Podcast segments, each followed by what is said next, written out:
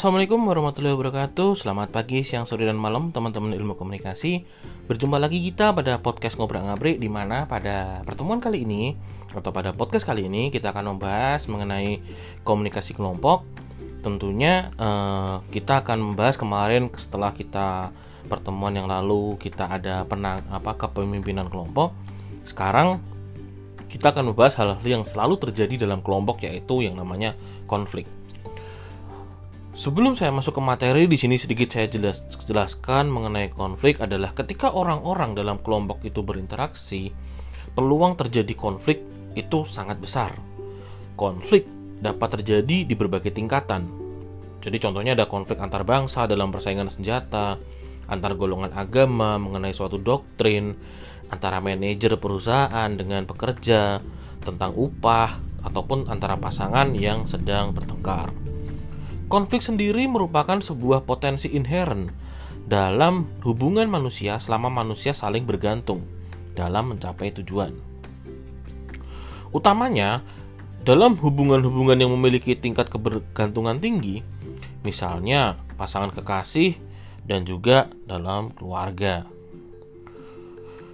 Terlebih lagi bangsa Indonesia nih yang plural ya kan, yang pluralistik yang terdiri dari berbagai suku, uh, sangat majemuk, kemudian adat istiadatnya banyak, keyakinan agamanya juga banyak yang dianut, itu sangat mudah terjadi, terjadi konflik. Oleh karena itu, pemahaman yang benar tentang konflik dan bagaimana strategi dalam menyelesaikan konflik itu sangat besar pengaruhnya agar capaian hasil dan dampaknya dalam mencapai tujuan khususnya itu bernilai positif dan juga konstruktif. Bagaimana sebuah konflik itu bisa berubah menjadi sebuah hal yang membangun kohesivitas atau kekompakan dari sebuah kelompok.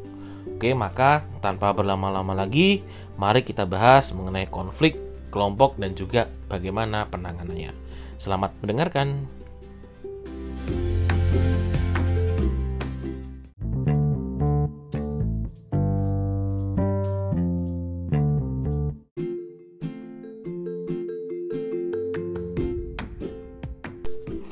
Myers, seorang sosiolog, pada tahun 2012 menjelaskan bahwa sebuah hubungan atau sebuah organisasi tanpa konflik kemungkinan adalah hubungan dan organisasi yang apatis. Konflik menandakan keterlibatan, komitmen, dan juga kepedulian. Apabila konflik dipahami dan disadari, hal tersebut dapat mengakhiri tekanan dan mendorong pembaruan serta perbaikan hubungan manusia. Tanpa adanya konflik, orang-orang jarang mampu menghadapi dan menyelesaikan masalahnya. Konflik sendiri berasal dari kata Latin configure yang berarti saling memukul.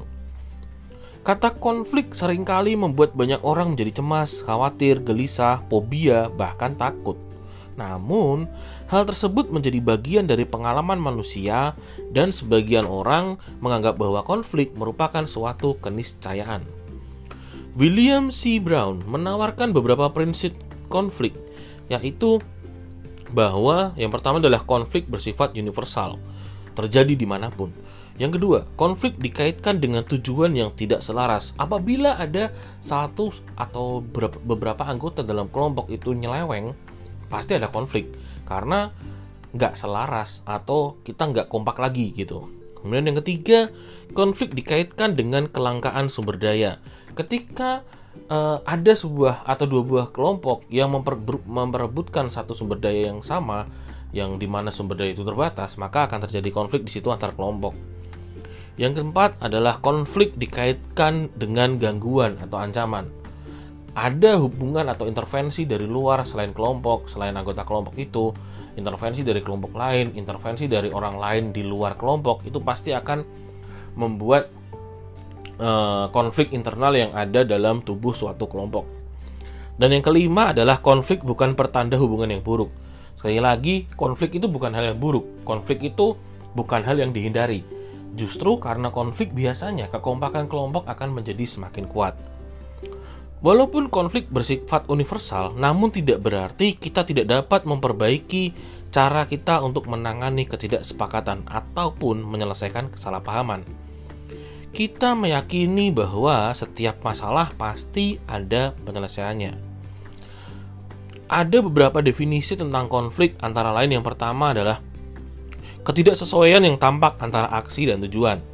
Yang kedua, suatu pertentangan dan ketidaksesuaian kepentingan, tujuan, dan kebutuhan dalam situasi formal, sosial, dan psikologis, sehingga biasanya menjadi antagonis, ambivalen, dan emosional. Yang ketiga, definisi ketiga adalah sebuah proses yang berasal ketika satu pihak mempersepsikan adanya pihak lain yang telah menyerang secara negatif atau akan menyerang secara negatif terhadap sesuatu yang menjadi urusan penting atau sangat dihargai oleh pihak pertama. Yang keempat, suatu situasi di mana dua orang atau lebih atau dua kelompok atau lebih tidak setuju terhadap hal-hal atau situasi yang berkaitan dengan keadaan ataupun kepentingan yang bersifat berlawanan serta bertolak belakang. Jadi, per, de, jadi dari pengertian-pengertian tadi terdapat empat unsur konflik menurut Sutopo tahun 2012. Empat unsur konflik yang pertama adalah pertentangan, ketidaksesuaian, dan juga perbedaan. Sementara yang kedua ada pihak-pihak yang berkonflik atau bertikai. Yang ketiga ada situasi dan proses situasi yang menyebabkan konflik dan proses untuk menyelesaikan konflik. Dan yang keempat, konflik itu biasanya berkaitan dengan tujuan, kepentingan, serta kebutuhan dalam sebuah kelompok. Konflik sendiri sangat berbeda dengan integrasi. Namun, keduanya berjalan sebagai sebuah siklus di masyarakat. Konflik yang terkontrol akan menghasilkan integrasi. Sebaliknya, integrasi yang tidak sempurna dapat menciptakan sebuah konflik. Integrasi sosial sendiri dimaknai sebagai proses penyesuaian di antara unsur-unsur yang saling berbeda dalam kehidupan masyarakat sehingga pada nanti pada akhirnya mampu menghasilkan pola kehidupan masyarakat yang memiliki keserasian fungsi. Jadi eh, integrasi sosial itu bagaimana setiap orang atau dalam sebuah sistem sosial atau dalam kelompok setiap orang itu saling walaupun berbeda-beda tapi mempunyai keselarasan fungsi dalam kelompok itu. Integrasi sosial ibarat sebuah sistem yang terdiri atau sebuah mesin yang terdiri dari beberapa mata gear. Seperti itu. Jadi saling berhubungan antara satu dan lain. Myers tahun 2012 mencoba menjelaskan bahwa orang yang berada dalam konflik melihat bahwa keuntungan satu pihak adalah kekalahan di pihak lain dengan memberikan contoh berikut. Kami ingin kedamaian dan keamanan, begitu juga kami, tetapi Anda mengancam kami. Contoh yang lain adalah saya suka musiknya dihentikan. Dan juga ada kepentingan lain adalah saya saat saya sangat suka ketika musik ini diputar. Jadi biasanya dalam menurut Myers ini dijelaskan bahwa ada dua ideologi atau idealisme atau pemikiran yang saling bertentangan yang mengakibatkan konflik itu akhirnya bisa terjadi.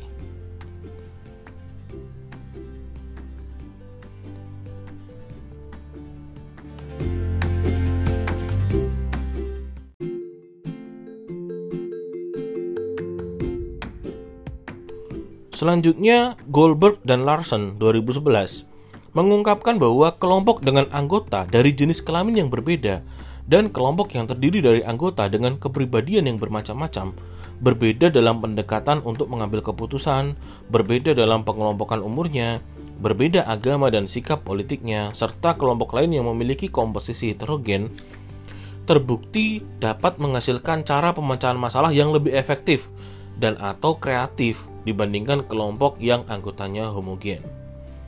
Keberadaan konflik dalam sebuah kelompok atau organisasi dapat menjadi sebuah paradoks, karena di satu sisi konflik dianggap dapat meningkatkan kinerja kelompok, sementara di sisi lain sedapat mungkin konflik harus diredam atau diminimalisir.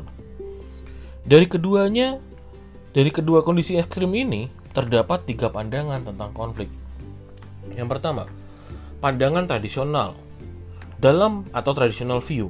Dalam pandangan ini, konflik dipersamakan dengan istilah violence, destruction, dan irrationality. Konflik merupakan hal yang buruk, sesuatu yang negatif, dan selalu menimbulkan kerugian bagi kelompok atau organisasi, sehingga sedapat mungkin harus dihindari dan juga dicegah dengan cara menemukan sumber dan diatasi. Di samping itu, konflik merupakan suatu hasil disfungsional akibat komunikasi yang buruk, kurang kepercayaan, atau keterbukaan di antara orang-orang, dan juga kegagalan manajerial karena kurang tanggap terhadap kebutuhan dan juga aspirasi karyawannya. Yang kedua, ada pandangan hubungan manusia atau the human relation view. Konflik dianggap sebagai suatu peristiwa yang lumrah terjadi di dalam kelompok atau organisasi.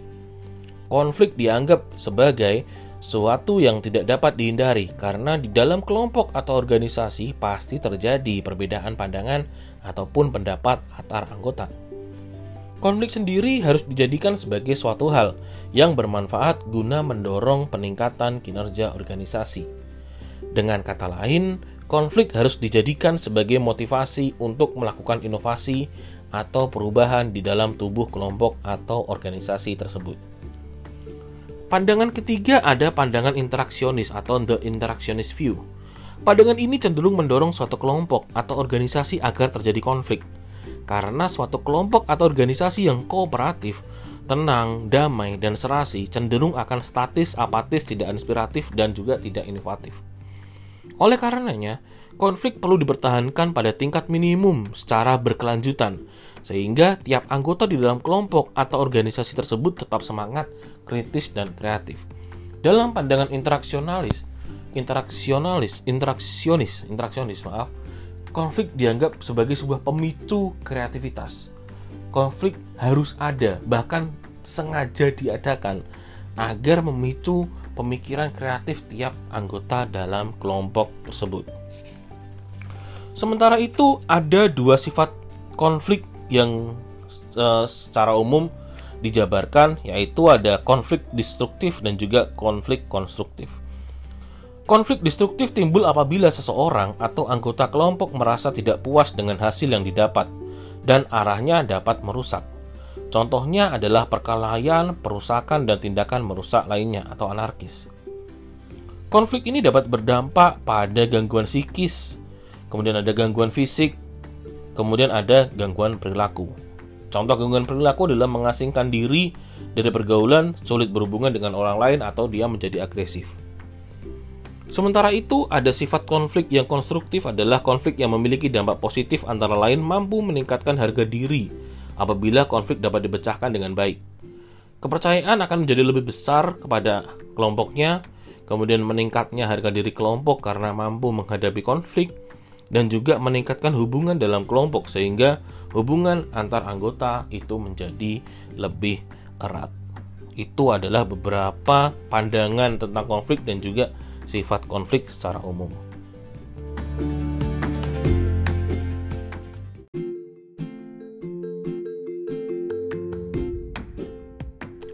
Kemudian selanjutnya kita masuk ke jenis konflik.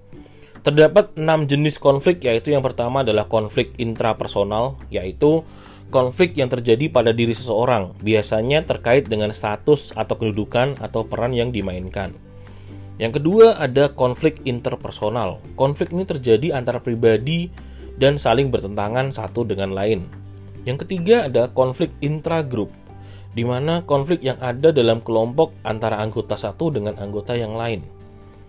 Nomor 4, jenis nomor 4 adalah konflik intergrup, di mana konflik ini timbul antara kelompok yang satu dengan kelompok yang lain dan dapat terjadi antara kelompok-kelompok dalam masyarakat. Kemudian nomor 5, ada konflik antar organisasi. Konflik ini terjadi di antara organisasi atau perusahaan satu dengan organisasi perusahaan lainnya. Biasanya konflik antar organisasi ini atau konflik antar intergroup ini biasa terjadi ketika musim politik. Nomor 6 ada konflik antar negara.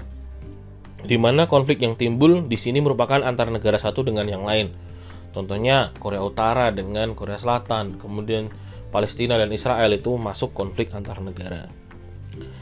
Setelah kita bahas jenis konflik, kemudian kita selanjutnya atau kita lanjutkan pada yang namanya isi konflik ada empat isi atau empat jenis isi atau substansi dari konflik.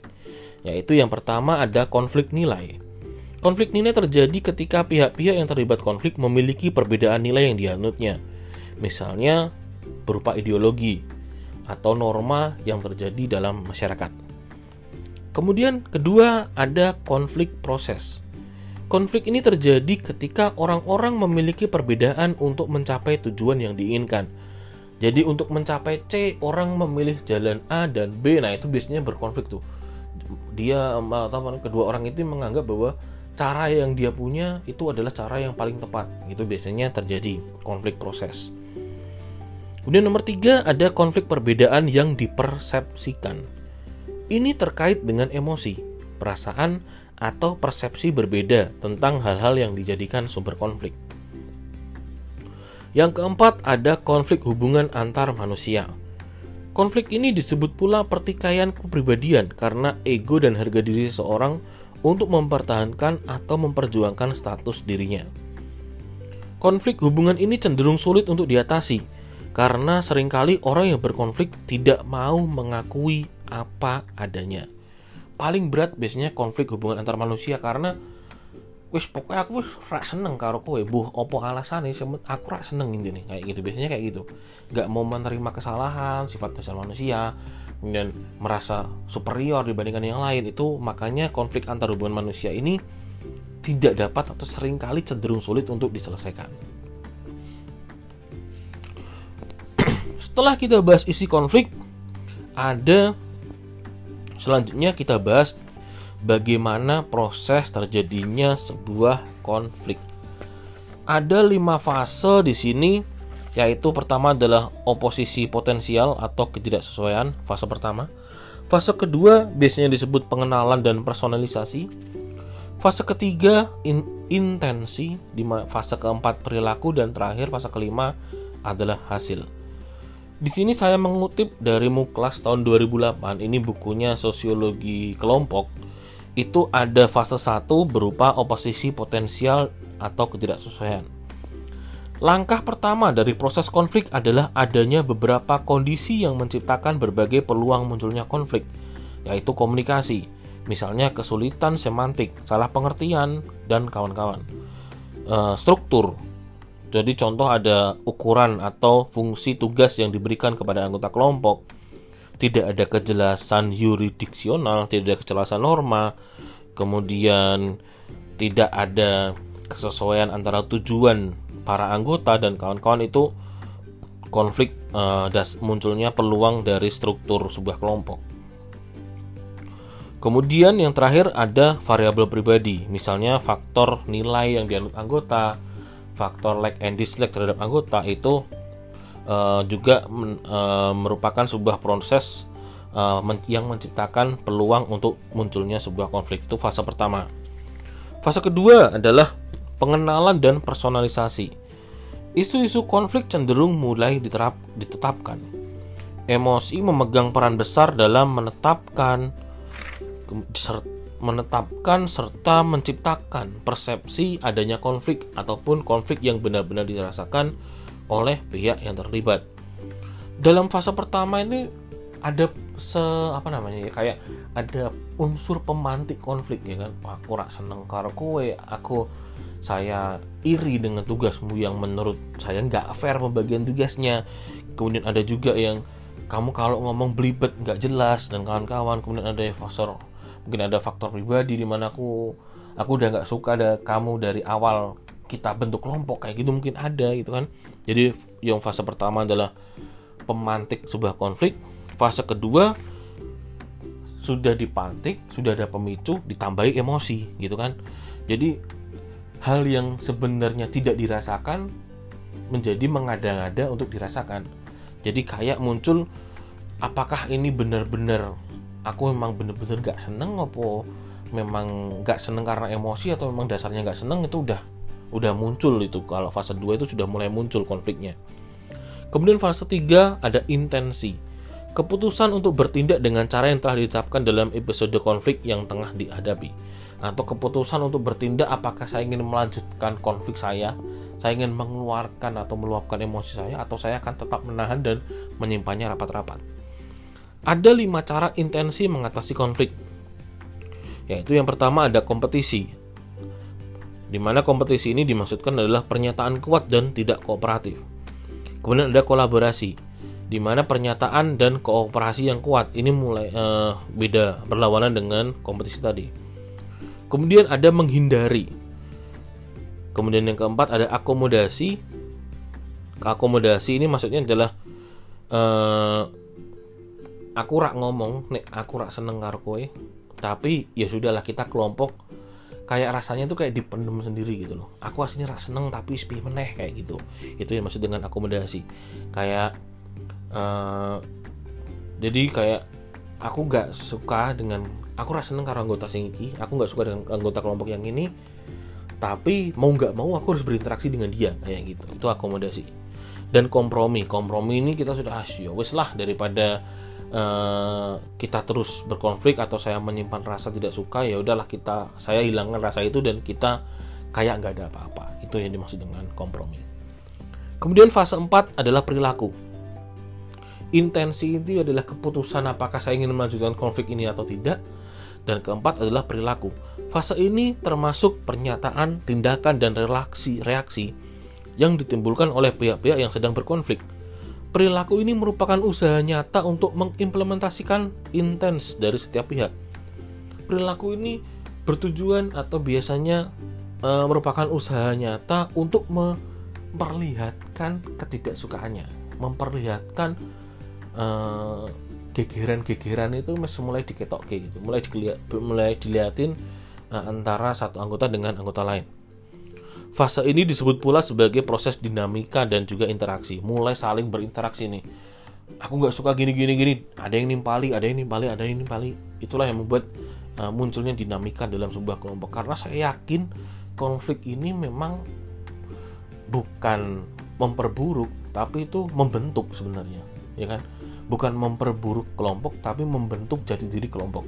Itu ya, uh, fungsi dari konflik menurut saya kemudian fase kelima adalah hasil. Hasil dari konflik yang terjadi di antara pihak-pihak yang terlibat bisa bersifat fungsional atau meningkatkan kinerja kelompok ataupun disfungsional yaitu menghalangi atau menurunkan anggota kelompok. Ngomong-ngomong soal hasil, uh, di sisi lain Suryono Sukamto mengidentifikasi, mengidentifikasikan beberapa kemungkinan hasil yang ditimbulkan akibat konflik. Yang pertama jelas meningkatkan solidaritas sesama anggota kelompok, baik itu in group yang mengalami konflik dengan kelompok lain. Kemudian yang kedua, keretakan hubungan antar kelompok yang bertikai. Yang ketiga, perubahan kepribadian pada individu.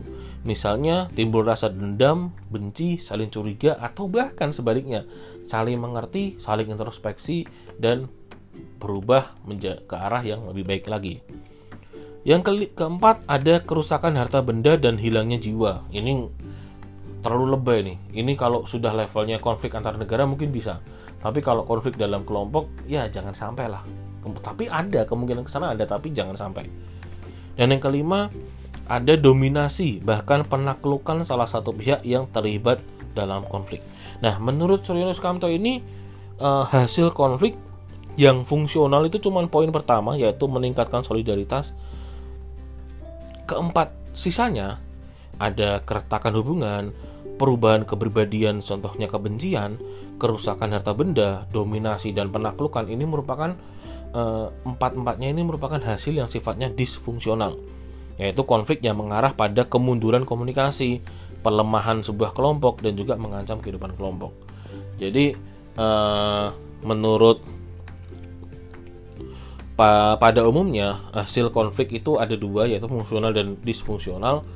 Fungsional itu hasil yang menguntungkan kelompok, disfungsional itu hasil yang memperburuk kelompok tersebut. Itu yang dimaksud uh, tentang bagaimana proses terjadinya konflik dan juga hasil dari sebuah konflik.